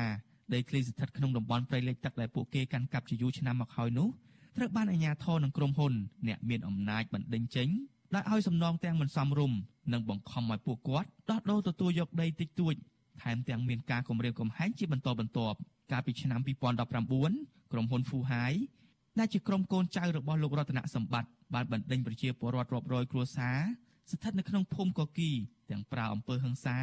ឲ្យទទួលយកសំណងទាំងបង្ខំក្រោមហេតុផលអភិវឌ្ឍនេះខ្ញុំបាទជាចំណាន Visual Assisray ពីរដ្ឋធានី Washington ចាលោកនាងជាទីមេត្រីចាតកតងទៅនឹងសេចក្តីរាយការណ៍របស់លោកជាតិចំណាននេះចាយើងមានសម្ភារផ្ទាល់មួយជាមួយប្រជាពលរដ្ឋដែលរងគ្រោះដីធ្លីនៅក្រុងប្រសេនុនឹងផ្ទាល់តែម្ដងប៉ុន្តែគាត់សុំមិនបញ្ចេញឈ្មោះទេហើយលោកស្រីនឹងជួបជាមួយយើងតាមទូរស័ព្ទចានេះខ្ញុំសូមជំរាបសួរលោកស្រីចាចាជំរាបសួរ ចាតកតងនឹងបញ្ហារឿងទំនាស់ដីធ្លីដែលថាក្រុមហ៊ុនហ្វូហាយឈូសឆាយបំផ្លាញផ្ទះសម្បែងប្រជាពលរដ្ឋនិងដំណាំចំការនេះក្នុងសេចក្តីរាយការណ៍របស់លោកជាតិចំដាចំណានបៃមិញហ្នឹងលើកឡើងថាមានការចរចាឲ្យសំណងហ្នឹងតែ10ទៅ15%មូលហេតុអីបានជាមានការចរចាឲ្យតែត្រឹមកំណត់ត្រឹម10ទៅ15%បែបដូចនេះចា៎ចាអឺខ្ញុំក៏អត់ដឹងដែរ អត់ដឹងថាមូលហេតុអីបានជាក្រុមហ៊ុនគាត់កំណត់យកចំនួនប៉ុណ្ណឹងប៉ុន្តែសម្រាប់ប្រជាពលរដ្ឋយើងយល់ថាវាមិនត្រឹមត្រូវទេវាអយុត្តិធម៌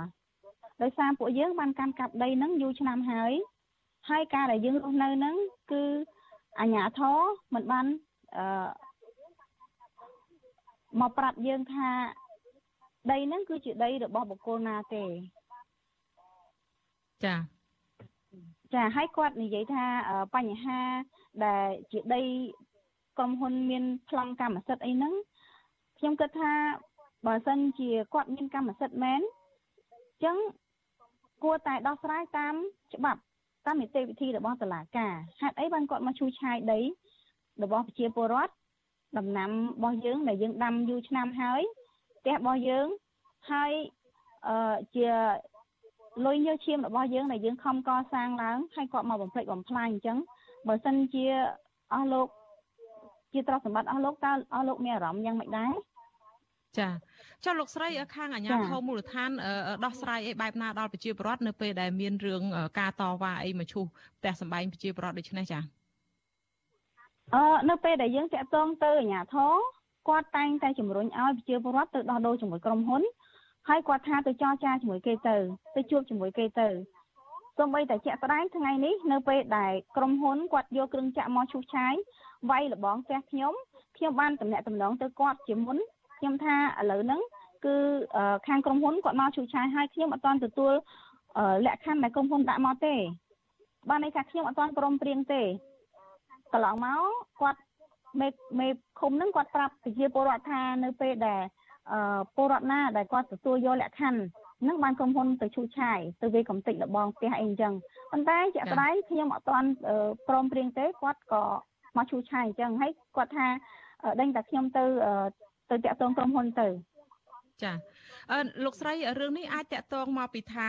ខាងខ្ញុំបានសេចក្តីរាយការណ៍របស់យើងនឹងបានសម្ភាសលោកមេឃុំបាត់ត្រាងលោកមេច័ន្ទនឹងគាត់ថាប្រជាពលរដ្ឋទាំងអស់នឹងមករស់នៅលើដីរបស់ក្រុមហ៊ុនដែលមានអនុក្រឹត្យពីរដ្ឋាភិបាលដើម្បីវិនិយោគក្នុងតំបន់អញ្ចឹងមានន័យថាប្រជាពលរដ្ឋនឹងមករស់នៅលើដីតំបន់វិនិយោគអញ្ចឹងឬក៏យ៉ាងម៉េចបានជាគេមិនដោះស្រាយឲ្យឲ្យផ្ដល់សំណងឲ្យតែ10ទៅ15%អញ្ចឹងចាអឺ បើនិយាយពីអនុក្រឹត្យឲ្យអភិវឌ្ឍវិញมันអាចមកកំទេចផ្ទះប្រជាពលរដ្ឋដោយរំលោភបំពានអញ្ចឹងទេគោលបំណងនៃការអភិវឌ្ឍគឺដើម្បីឲ្យប្រជាពលរដ្ឋសុខចិត្តឲ្យប្រជាពលរដ្ឋមានជីវភាពប្រសើរឡើងមែនអត់បើអញ្ចឹងមុននឹងអភិវឌ្ឍក៏គេត្រូវតែមានការសិក្សាច្បាស់លាស់ដែរសិក្សាអំពីផលប៉ះពាល់អញ្ចឹងអឺហើយម្យ៉ាងទៀត ធម្មតាប្រជាពលរដ្ឋដែលរស់នៅទីតាំងហ្នឹងជាក់ស្ដែងគឺខាងអាជ្ញាធរខាងសមត្ថកិច្ចឬក៏អឺផ្នែកខាងក្រមចម្រុះផ្នែកអភិវឌ្ឍហ្នឹងគឺគាត់គួរតែមកដើម្បីចរចាជាមួយប្រជាពលរដ្ឋឬក៏សិក្សាអំពីផលប៉ះពាល់ហ្នឹងដើម្បីបញ្ជៀសនៅផលវិបាកទាំងឡាយដែលធ្វើឲ្យប៉ះពាល់ជីវភាពប្រជាពលរដ្ឋដែរហើយជាពិសេសគឺសិទ្ធគឺសិទ្ធរស់នៅនឹងអឺដែលគាត់បានកាន់កាប់ដីហ្នឹងជាយូរឆ្នាំមកហើយ ចាជាចុងក្រោយតើប្រជាពលរដ្ឋមានសំណូមពរឬក៏ចង់ឲ្យមានការដោះស្រាយបែបណាទៅវិញទៅចំពោះរឿងនេះចាបើសិនជាជាគម្រោងអភិវឌ្ឍរបស់រាជរដ្ឋាភិបាលជាពលរដ្ឋអត់មានចំទាស់ទេ របស់ក្រុមហ៊ុនទៅតែមានដំណោះស្រាយសមស្របឲ្យជាពលរដ្ឋដោយយុត្តិធម៌តែយើងអាចទទួលយកបានមិនមែនមកបំរុងបំពេញបែបហ្នឹងទេវាយលបងយើងឲ្យបង្ខំមកយើងឲ្យទៅចរចា ចាអញ្ចឹងលោកស្រីចង់ឲ្យមានការចរចាពិភាក្សាគ្នាមុននឹងអនុវត្តបែបដូចនេះចាអឺក៏ពិតគាត់អនុវត្តរួចទៅហើយគាត់បានវាយលបងផ្ទះយើងហើយតែឥឡូវឲ្យខ្ញុំទៅចរចាយ៉ាងម៉េចទៅនោះគឺជាបទល្មើសណាគាត់រំលោភបំពានទៅលើទ្រព្យសម្បត្តិរបស់ខ្ញុំចាឥឡូវបើជ្រុលជាអញ្ចឹងទៅហើយតើលោកស្រីក្នុងនាមជាប្រជាពលរដ្ឋចង់ឲ្យមានការដោះស្រាយបែបណាដែលអាចទទួលយកបានចាខ្ញុំគិត ថាមានតែច្បាប់ទេមានតែផ្លូវច្បាប់ទេដែលយើងអាចរកដំណោះស្រាយដ៏សមស្របសម្រាប់គូភាគីបើសិនជាក្រុមហ៊ុនគាត់អះអាងថាជារបស់គាត់អញ្ចឹងគាត់ត្រូវមានអំណះអំណាងមកចាអញ្ចឹងខាងប្រជាប្រដ្ឋនឹងខ្ញុំឮសេចក្តីរាយការណ៍ថាលោកស្រីនិងប្រជាប្រដ្ឋនឹងបានដាក់ពាក្យប្តឹងទៅតុលាការដែរហើយមិនអញ្ចឹងហ៎ចាចាគឺអញ្ចឹងមែន ចាបើអញ្ចឹងនឹងសង្ឃឹមថានឹងមានដំណោះស្រាយចំពោះបញ្ហានេះចាគាត់មកវាយផ្ទះរបងខ្ញុំដល់អត់មានបានពិគ្រោះជាមួយខ្ញុំជាមុនឬក៏អត់មានការទទួលយល់ព្រមជាមួយខ្ញុំអញ្ចឹងគាត់ធ្វើអញ្ចឹងគឺខុសច្បាប់ហើយគាត់រំលោភទៅលើសមត្ថកិច្ចរបស់តុលាការហើយចា ចានេះខ្ញុំសូមអរគុណច្រើនលោកស្រីដែលចូលរួមផ្ដល់សម្ភាសមកបន្ថែមលើព័ត៌មាននៃសេចក្តីរាយការណ៍របស់យើងហើយសូមឲ្យលោកស្រីអាចដោះស្រាយចរចាអំពីបញ្ហានេះតាមផ្លូវច្បាប់ប្រកបដោយជោគជ័យនិងមានដំណោះស្រាយមួយដែលអាចទទួលយកបានចាសូមអរគុណនិងជំរាបលាលោកស្រីត្រឹមប៉ុណ្ណេះសិនចាចាសូមជម្រាបលាចាចា ចាលោកនាងកញ្ញាជាទីមេត្រីចាតកតងទៅនឹងបញ្ហាវិវាទដីធ្លីដែរតំណាងសហគមន៍ដែលមានចំនួនដីធ្លីចំនួន197គ្រួសារនៅភូមិតានីឃុំជីខលើស្រុកស្រែអំបិលឯនោះវិញគឺលោកស្រីដេតហួរដាក់ពាក្យស្នើសុំពន្យាពេលចូលបំភ្លឺនៅតុលាការខេត្តកោះកុងពាក់ព័ន្ធទៅនឹងបណ្ដឹងរបស់ប្រធានក្រុមហ៊ុនហេងអភិវឌ្ឍគឺលោកហេងហ៊ុយដែលប្តឹងសកម្មជនដីធ្លីរូបនោះពីបទបរិហាកេជាសាធារណៈ ចាលោកស្រីដេតហួរប្រាប់វិទ្យុអាស៊ីសេរីនៅថ្ងៃទី22ខែធ្នូនេះថាការដាក់លិខិតសុំពន្យាពេលនេះគឺដោយសារតែលោកស្រីមិនទាន់មានមេធាវីការពារក្តីនោះទេស្របពេលដែលលោកស្រីកំពុងស្វះស្វែងរកជំនួយផ្នែកច្បាប់ពីអង្គការសិទ្ធិមនុស្សក្នុងស្រុក ចាលោកស្រីបញ្ជាក់ថាលោកស្រីមិនបានបរិហាកេលោកហេងហ៊ុយដោយការចោទប្រកាន់នោះឡើយតំណាងពលរដ្ឋរូបនោះចាត់ទុកបណ្ដឹងរបស់លោកហេងហ៊ុយថាជាការគំរាមកំហែងនិងបំបាក់ស្មារតីដល់ប្រជាពលរដ្ឋដើម្បីកុំឲ្យពួកគេចេញតវ៉ារកដំណោះស្រាយដីធ្លីពីអាជ្ញាធរនិងក្រសួងពាក់ព័ន្ធបន្តទៀតចាគិតមកដល់ពេលនេះមានតំណាងពលរដ្ឋ2នាក់ហើយគឺលោកស្រីដេតហួរនិងលោកស្រីអឹបតឹងចារងបណ្ដឹងពីករណីដូចគ្នានៅក្នុងតុលាការខេត្តកោះកុង ករណីទី1គឺតុលាការបានចោទប្រកាន់អ្នកទាំងពីរនិងប្រជាពលរដ្ឋ7នាក់ទៀតពីបទញុះញង់បង្កឲ្យមានភាពវឹកវរធ្ងន់ធ្ងរដល់សង្គមនៅគ្រាដែលពលរដ្ឋនាំគ្នាចេញតវ៉ារកដំណោះស្រាយដីធ្លីនាពេលកន្លងមក ចាមួយករណីមួយទៀតនោះគឺតុលាការចោទស្ត្រីសកម្មជនទាំងពីរនាក់ពីបទបរិហាកេជាសាធារណៈទៅលើលោកហេងហ៊ុយតាមបណ្ដាញសង្គម Facebook ចាថ្មីថ្មីនេះប្រជាពលរដ្ឋប្រមាណ300នាក់បានលើកគ្នាតវ៉ានៅមុខតុលាការខេត្តកោះកុងដើម្បីដាក់សម្ពាធឲ្យតុលាការទម្លាក់ចោលការចោទប្រកាន់លើតំណាងរបស់ពួកគាត់ចាតំណាងពលរដ្ឋទាំងនោះទាំងនោះគឺស្នើសុំឲ្យតុលាការខេត្តកោះកុងទម្លាក់ចោលនៅបទប្រឆាំងលើពួកគាត់និងស្នើសុំឲ្យរដ្ឋាភិបាលដាក់ចេញនូវគោលនយោបាយដោះស្រាយបញ្ចប់វិវាទដីធ្លីមួយនេះដោយឈរទៅលើគោលការណ៍ច្បាប់យុត្តិធម៌និងសិទ្ធិមនុស្ស ចាលោកនាងកញ្ញាជាទីមេត្រីចាឥឡូវនេះមានសេចក្តីរាយការណ៍ផ្ទាល់ពីអ្នករាយការណ៍ព័ត៌មានរបស់យើងគឺលោកមុងណារ៉េតដែលនឹងចូលខ្លួនមកបកស្រាយអំពីបញ្ហាស្ថានភាពនៃការរីករាលដាលនៃជំងឺ Covid-19 វិញម្ដងចាជំរាបសួរលោកណារ៉េតចាបាទសូមជម្រាបសួរអ្នកស្រីខែសំណងហើយសូមជម្រាបសួរលោកនាងទាំងអស់ដែលកំពុងតាមដានទស្សនាការផ្សាយរបស់ជាស៊ីសេរីជាទីមេត្រីបាទ ចាពិភពលោកកាន់តែព្រួយបារម្ភខ្លាំងអំពីលបឿននៃការរីករាលដាលមេរោគបំផ្លែងថ្មីអូមីក្រុង ដែលឥឡូវនេះនៅប្រទេសជាច្រើនគឺមេរោគមួយនេះកំពុងតែនាំមុខគេក្នុងចំនួនករណីឆ្លងថ្មីនៃជំងឺ Covid-19 ចាក្នុងពេលជាមួយគ្នានេះនៅកម្ពុជាបើតាមក្រសួងសុខាភិបាលចំនួនអ្នកឆ្លងថ្មីនេះគឺធ្លាក់ចុះទាបខ្លាំងចាហើយដែលមិនធ្លាប់មានទេគឺទាបជាងប្រទេសទាំងអស់នៅក្នុងតំបន់អាស៊ាននិងប្រទេសជាច្រើនទៀតនៅលើពិភពលោកអញ្ចឹងដើម្បីដឹងថាតើមានកត្តាអ្វីខ្លះនោះសូមលោកណារ៉េតបកស្រាយដំបូងខ្ញុំចង់ដឹងអំពីស្ថានភាព ការរីករាលដាលមេរោគអូមីក្រុងនឹងតើឥឡូវនឹងទៅដល់ណាហើយលោកណារ៉េតចា៎បាទអរគុណអ្នកស្រីខែសំណងគឺយើងដឹងហើយនៅ ស្ថានភាពចុងក្រោយនេះអូមីក្រុងបានឆ្លងរាលដាលចូលដល់ទៅប្រទេសដល់ទៅ89ហើយនៅលើពិភពលោកនេះហើយនៅក្នុងប្រទេស89នោះគឺយើងដឹងដែរនៅ បើនៅសហរដ្ឋអាមេរិកវិញនៅសល់តែ3រដ្ឋទៀតទេដែលមិនមានអូមីក្រុងចូលទៅដល់រដ្ឋទាំង48នឹងមានអស់ហើយនៅតែអូក្លាហូម៉ាសៅដាកូតានិងម៉ូតាណាមួយគត់ដែលអត់ទាន់មានរបាយការណ៍អំពីមេរោគបំផ្លាញថ្មីអូមីក្រុងដែលឆ្លងចូលដល់ប្រទេសនោះនិយាយរួមគឺនៅប្រទេសអាមេរិកសប្តាហ៍នេះគឺសហរដ្ឋអាមេរិកទាំងមូលអត្រានៃការឆ្លងថ្មីប្រចាំថ្ងៃដែលមានរហូតដល់ជិត2សែនអ្នកទៅហើយនៅក្នុងមួយថ្ងៃហ្នឹងគឺ73%ហ្នឹងគឺជាការឆ្លង មេរោគបំផ្លាញថ្មីទេគឺមេរោគបំផ្លាញថ្មីបានคล้ายទៅជាចំនួនតួលេខឬក៏តួលេខថ្មីដែលដែលសម្រាប់អ្នកឆ្លងហ្នឹងគឺសុទ្ធតែអូមីក្រុងនឹងទាំងអស់ហើយនៅអាមេរិកគឺជាលើកទី1ដែរនៅថ្ងៃម្សិលមិញនេះក៏មានសេចក្តីរាយការណ៍មកថាមានអ្នកស្លាប់ដោយសារជំងឺ Covid-19 បំផ្លាញថ្មីអូមីក្រុងនេះម្នាក់នៅរដ្ឋ Texas អាយុប្រហែលជា50ឆ្នាំជាងហ្នឹង ដូច្នេះយើងឃើញថារឿងនេះគឺជាក្តីកង្វល់ធំហើយការស្លាប់ដោយអូមីក្រុងនេះក៏កើតឡើងដល់ទៅ8នាក់បើប្រៀបធៀបបើបូកជាមួយនឹងអ្នកដែលស្លាប់នៅឯអង់គ្លេសឡើងដល់ទៅ7នាក់ហើយកាលពីមុនយើងថាឈឺមិនចូលពេទ្យទេអូមីក្រុងឥឡូវនេះគឺនៅអង់គ្លេសមានផុសតាំងបញ្ជាក់មកថាអ្នកដែលឈឺធ្ងន់ដោយសារតែអូមីក្រុងនេះមានដល់ទៅ85នាក់ឯណោះដែលកំពុងតែសម្រាប់ព្យាបាលនៅមន្ទីរពេទ្យនោះបាទ ចាលោកណារ៉េតលើកឡើងអំពីស្ថានភាពនៃការរីករាលដាលមេរោគថ្មីអូមីក្រុងមួយផ្លែងថ្មីនេះគឺខ្ញុំសូមជំរាបជូនលោកនាងដែលកំពុងតែទស្សនាការផ្សាយរបស់វិទ្យុអេស៊ីសេរីទាំងអស់ថាចាប់ពីថ្ងៃពុធទី22ខែធ្នូនេះតទៅគឺយើងនឹងផ្អាកការផ្សាយរបស់យើងចេញពីបន្ទប់ផ្សាយផ្ទាល់ដែលជាទីស្នាក់ការធំរបស់វិទ្យុអេស៊ីសេរីជាបណ្ដោះអាសន្នសិនគឺដោយអ្វីដែលលោកណារ៉េតបានរាយការណ៍បាយមិញហ្នឹងគឺតកតងទៅនឹងការទប់ស្កាត់ចាការរាលដាលជំងឺ COVID-19 ជាពិសេសមេរោគបំផ្លែងថ្មីនេះដោយយើងធ្វើការនៅតាមផ្ទះរៀងរៀងខ្លួនវិញដោយលោកនាងកំពុងតែឃើញហើយយើងនាងខ្ញុំហើយនឹងលោកណារ៉េតនឹងនៅតាមផ្ទះរៀងរៀងខ្លួនហើយនៅក្នុងឱកាសនេះយើងខ្ញុំសូមថ្លែងអំណរគុណដល់លោកនាងដែលតែងតែមានភក្ដីភាពចំពោះការផ្សាយរបស់យើងហើយនៅតែរងចាំតាមដានទស្សនាឬក៏ស្ដាប់ការផ្សាយរបស់យើងគ្រប់កលៈទេសៈទាំងអស់ចាចាឥឡូវតាក់ទងទៅនឹងស្ថានភាពនៃការរីករាលដាលនៃជំងឺ Covid-19 នេះលោកណារ៉េតបានលើកឡើងថា ស្ថានភាពការរីករាលដាលមេរោគបំផ្លែងថ្មីអូមីក្រុងនេះគឺកាន់តែខ្លាំងក្លាអញ្ចឹងងាកទៅរឿងវិធានការរបស់រដ្ឋាភិបាលទៅវិញតើគេធ្វើអ្វីខ្លះទៅចា៎អរគុណអ្នកស្រីខែសំណងណាតាមពិតទៅវិធានការរដ្ឋាភិបាលនោះដូចអ្នកស្រីខែសំណងជំរាបមិញខ្លះហើយបើនៅសហរដ្ឋអាមេរិកហ្នឹងយើងឃើញហើយយើងធ្លាប់មានដំណឹងថាយើងនឹងវិលទៅ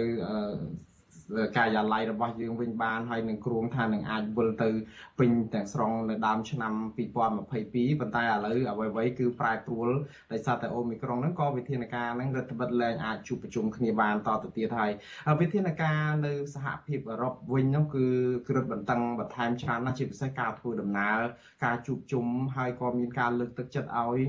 ចាក់វ៉ាក់សាំងដូសជំរុញនឹងឲ្យបានច្រើនគ្រប់គ្នាដែរសូម្បីតែនៅសហរដ្ឋអាមេរិកយើងដឹងហើយនៅពេលថ្មីថ្មីនេះគឺរដ្ឋាភិបាលអាមេរិកហ្នឹងក៏បានដាក់វិធានការថ្មីមួយទៀតគឺផ្ញើកញ្ចក់ធ្វើតេស្តរហ័ស rapid test នោះឲ្យប្រជាពលរដ្ឋតាមផ្ទះតែម្ដងគឺគ្រោងនឹងផ្ញើទៅទៅ500លានកញ្ចក់ឯនោះដើម្បីឲ្យប្រជាពលរដ្ឋអាចធ្វើតេស្តដឹងដើម្បីបង្ការខ្លួនមុនព្រោះអូមីក្រុងហ្នឹងវាឆ្លងលឿនពេកមានតែតេស្ត rapid រហ័សនឹងតែរហ័សនឹងទេដែលអាចព្យាដឹងថាគាត់នឹងមានជំងឺនឹងរយយ៉ាងណានោះបាទដើម្បីទប់ស្កាត់នោះបាទចាអញ្ចឹងលោកណារ៉េតងាកទៅរឿងនៅស្ថានភាពនៅស្រុកយើងវិញតើនៅក្នុងស្ថានភាពបែបនេះតើមានការប្រែប្រួលអីយ៉ាងម៉េចដែររឿងតួលេខរឿងអីក៏មានការធ្លាក់ចុះអីចឹងដែរប៉ុន្តែអ្នកស្លាប់ហ្នឹងក៏ឃើញថាយើងរីករាយទេនៅពេលដែលឮថាมันមានដំណឹងអ្នកស្លាប់អ្នកអីហ្នឹងប៉ុន្តែយើងឃើញថាថយចុះលោកណារ៉េតអាចបញ្យល់ជូនលោកនាងតិចបានទេចា៎ ជាការសាទរណាស់នៅពេលដែលយើងឮថាចំនួនថយចុះមិនមានអ្នកស្លាប់អីហ្នឹងវាជាដំណឹងល្អនៅប្រទេសណាក៏ចង់បានអញ្ចឹងដែរក៏ប៉ុន្តែការដែលឃើញតួលេខទៀតនៅប្រទេសកម្ពុជានេះគឺយើងគ្រាន់តែជារបាយការណ៍របស់ក្រសួងសុខាភិបាលដែលរាយការណ៍មកឲ្យមានចំនួនប៉ុណ្ណឹងយើងគ្មានប្រភពព័ត៌មានណាដើម្បីអាចផ្ទៀងផ្ទាត់បានទៀតក្រៅតែពីជឿតាមប្រភពរដ្ឋាភិបាលក្រសួងសុខាភិបាលថាប៉ុណ្ណឹងគឺប៉ុណ្ណឹងហើយក៏ប៉ុន្តែបើយើងមើលអំពីការជាក់ស្ដែងគឺអូមីក្រុងក៏បានចូលដល់ប្រទេសកម្ពុជាដែរហើយមាន4ករណីទៅហើយរហូតមកដល់ពេលនេះយើងឃើញថាការស្លាប់ហ្នឹងគឺថយចុះរហូតដល់កម្រិត0បាន2ថ្ងៃជាប់គ្នាដែរអ្នកស្រីខែសំណងយើងឃើញហើយគាត់ជួនថ្ងៃ20ខែធ្នូហ្នឹងពេលដែលអត្រាហ្នឹងទាបបំផុតគ្មានអ្នកស្លាប់សោះនៅក្នុងមួយថ្ងៃលោកនាយរដ្ឋមន្ត្រីហ៊ុនសែនឆ្លៀតឱកាសនោះក៏ប្រកាសអំពីការបិទ ស្អីការឆ្លងនៅក្នុងសហគមន៍20កុម្ភៈហ្នឹងថ្ងៃនោះតែម្ដងប៉ុន្តែការបិទនេះប្រហែលជាអាចនឹងលឿនពេកទៀតហើយព្រោះដោយសារតែអូមីក្រុងកំពុងតែវាយលុកលើពិភពលោកហើយចូលដល់ប្រទេសកម្ពុជាផងនោះហើយនៅយើងឃើញថាអ្នកដែលស្លាប់អ្នកនៅក្នុងតំបន់របស់យើងវៀតណាមអីវិញនេះគឺនៅមួយថ្ងៃ16000អ្នកហើយនៅថៃហ្នឹងក៏នៅតែក្នុងពី3000ជាមួយនឹងម៉ាឡេដែរដូច្នេះនៅតែជាក្តីបារម្ភទីយើងអត់មានឃើញតួលេខនឹងខ្ពស់មកពីការរាយការណ៍ដែរបាទ ចឹងលោកណារ៉េតបញ្ហានឹងអាចថាជ្រុងមួយទៀតតកតងនឹងរឿងការចាក់ថ្នាំបង្ការការរីករាលដាលជំងឺ Covid-19 នឹងឃើញថាចាក់នឹងចាក់បានចំនួនអីច្រើនអីចឹងដែរទេឬក៏យ៉ាងម៉េចចា អឺយើងដឹងហើយនៅលើពិភពលោកនេះគ្មានវ៉ាក់សាំងណាមួយសូម្បីប៉ាកែដូចនៅសហរដ្ឋអាមេរិកហ្នឹងទប់ទល់នឹងអូមីក្រុងបានទេលើកឡើងតែដូសជំរុញមួយទេដូច Pfizer ដូចអីដែលគេរកឃើញថាអាចនឹងទប់កុំឲ្យឈឺធ្ងន់សម្រាប់នៅមន្ទីរពេទ្យទេហើយនៅកម្ពុជាយើងវិញវ៉ាក់សាំងដែលចាក់ស្រោចនោះគឺ90%គឺជាវ៉ាក់សាំងចិនហើយនៅក្នុង41ម៉ឺនដូសហ្នឹងគឺសំទុះ41លានដូសហ្នឹងគឺវ៉ាក់សាំងចិនស្ទើរតែទាំងអស់ហើយមានតែ10%ជាវ៉ាក់សាំងរបស់ AstraZeneca និងរបស់ពីអាមេរិកទៅហ្នឹងដូច្នេះនៅក្នុងន័យនេះគឺយើងមិនអាចនិយាយថាពិបាកវិតម្លៃថាវ៉ាក់សាំងអាចទប់បានប៉ុន្តែអាចមកពីអញ្ចេះដែរអាចប្រជាពលរដ្ឋឥឡូវគាត់ភ័យខ្លាចគាត់បាក់ស្បាទៅគាត់អាចប្រយ័ត្នប្រយែងខ្ពស់ជាងមុនហ្នឹងខ្លាចឆ្លងនាំគ្នាពាក់ម៉ាស់ពាក់អីទៅអាចនឹងការពារបានដែរតែយ៉ាងណាគឺវ៉ាក់សាំងដែលមានស្រាប់ហ្នឹងក៏វាអាចជួយមួយយ៉ាងដែរថាបើមិនទប់អូមីក្រុងបានក៏វាអាចទប់កុំឲ្យឈឺធ្ងន់ឬក៏ចូលសម្រាប់នៅមន្ទីរពេទ្យឬក៏ស្លាប់ តែអត្រាស្លាប់នៅប្រទេសកម្ពុជានៅតែខ្ពស់ដែរទេព្រោះថ្ងៃហ្នឹងមានម្នាក់ឆ្លង3នាក់តែស្លាប់ម្នាក់អញ្ចឹងអត្រានៃអ្នកស្លាប់ហ្នឹងគឺស្ទើរតែ30%ទៅហើយនៅក្នុងអ្នកដែលកើតហ្នឹងបាទ ចាលោកណារ៉េតអរគុណច្រើនដោយសារយើងជិតអស់ពេលវេលាហើយខ្លីចុងក្រោយនាងខ្ញុំចង់ជំរាបលាទៅលោកនាងដែលកំពុងតែទស្សនាការផ្សាយស្ដាប់ការផ្សាយរបស់យើងលើបណ្ដាញលើប្រព័ន្ធ shortwave ឬរលកធាតុអាកាសខ្លីនឹងមិនលឺការផ្សាយរបស់យើងទៀតទេប៉ុន្តែលោកអ្នកដែលកំពុងតែទស្សនាការផ្សាយរបស់យើងលើបណ្ដាញសង្គម Facebook និង YouTube សូមនៅបន្តជាមួយយើងបន្តិចទៀតចាក្រៅពីលោកណារ៉េតរាយការណ៍នេះយើងក៏មានបទសម្ភាសផ្សេងទៀតដែរចាឥឡូវសូមលោកណារ៉េតបន្តសំណួរនេះខ្ញុំចុងក្រោយថាតើវិធានការថ្មីតកតងទៅនឹងការរីករាលដាលដោយលោកណារ៉េតបានរៀបរាប់ភាពស្រួយស្រាវនៃមេរោគបំផ្លែងថ្មីអូមីក្រុងហ្នឹងតើមានវិធានការអីថ្មីសម្រាប់ជំរាបជូនលោកនាងទេចា៎អឺអ្នកស្រីខែសំណងវិធានការថ្មី គឺមិនមានទេសម្រាប់ការទប់ទល់ជំងឺ Covid-19 ក៏ប៉ុន្តែវាជាវិធានការដដែលតែធ្វើឲ្យវាមានភាពរស់រវើកគឺពាក់ម៉ាស់លាងដៃរក្សាកម្រិត ហើយនឹងពិសេសជាងគេនោះគឺការដែលត្រូវធ្វើតេស្តរហ័សយើងដឹងហើយរដ្ឋាភិបាលកម្ពុជាលោកហ៊ុនសែនបានទប់កុំឲ្យធ្វើតេស្តរហ័សនេះប៉ុន្តែនៅលើពិភពលោកគឺគ្មានមធ្យោបាយណាដើម្បីនឹងរក COVID-19 ប្រភេទ Omicron នេះបានលឿនជាងតេស្តរហ័សទេដូច្នេះការលើកទឹកចិត្តឲ្យធ្វើតេស្តរហ័សនេះក៏អាចជាវិធានការទប់កុំឲ្យ Omicron នឹងឆ្លងឬក៏បានន័យថាពិបាកនឹងស្វែងរកជំងឺនេះដើម្បីទប់ស្កាត់បានមុនដែរដូច្នេះនេះគឺជាវិធានការថ្មីសម្រាប់ពិភពលោកបាទ ចាចានេះខ្ញុំសូមអរគុណច្រើនលោកមុងរ៉េតដែលបានចំណាយពេលមានតម្លៃផ្ដល់សម្ភាររាយការណ៍អំពីបញ្ហានេះជូនលោកនាងចាហើយជួបគ្នានៅពេលក្រោយទៀតចាសូមអរគុណ ចាលោកនាងកញ្ញាជាទីមេត្រីចានៅពេលបន្តិចទៀតនេះយើងនឹងមានសេចក្តីរាយការណ៍នឹងមានបទសម្ភាសន៍មួយដែលអ្នកស្រីសុជីវីនឹងចូលមកសម្ភាសន៍ផ្ទាល់ជាមួយនឹងមន្ត្រីខាងអ្នកសិក្សាស្រាវជ្រាវហើយនឹងពីខាងមន្ត្រីគណៈបកសង្គ្រោះជាតិនឹងតកតងទៅនឹងថាថ្ងៃនេះគឺជាថ្ងៃបិទបញ្ចប់ដំណើរទស្សនកិច្ចរយៈពេល2ថ្ងៃនៅកម្ពុជារបស់មេដឹកនាំវៀតណាមចាប្រធានាធិបតីវៀតណាមថ្មីគឺលោកវៀនស៊ុនហ្វុកដែលទៅទទួលទានអាហារពេលព្រឹកដល់ផ្ទះជាមួយលោកនាយករដ្ឋមន្ត្រីហ៊ុនសែនកូនប្រុសទាំង3របស់លោកហ៊ុនសែនមានលោកហ៊ុនម៉ាណែតលោកហ៊ុនម៉ាណិតនិងលោកហ៊ុនម៉ាណីក៏ត្រូវបានលោកហ៊ុនសែននាំទៅជួបលោកវៀនស៊ុនហ្វុកដែរចារឿងនេះគឺកើតឡើងតែ2ថ្ងៃប៉ុណ្ណោះនៅមុនសន្និបាតគណៈកម្មាធិការកណ្ដាលគណៈបកប្រជាជនកម្ពុជាដែលក្រុងធ្វើនៅថ្ងៃទី24ខែធ្នូដើម្បីសម្រេចលើបេក្ខភាពនាយករដ្ឋមន្ត្រីរបស់គណៈបកនេះជាពិសេសគឺបេក្ខភាពបន្តអំណាចពីឪពុករបស់លោកហ៊ុនម៉ាណែតចាហើយតកតងទៅនឹងបញ្ហានេះក៏ មានជំនួបមួយកិច្ចចែកវិភាសាដ៏មានឯកសារចំនួន7ចុះហត្ថលេខាដែលរួមមានទាំងឯកសារតាក់ទងទៅនឹង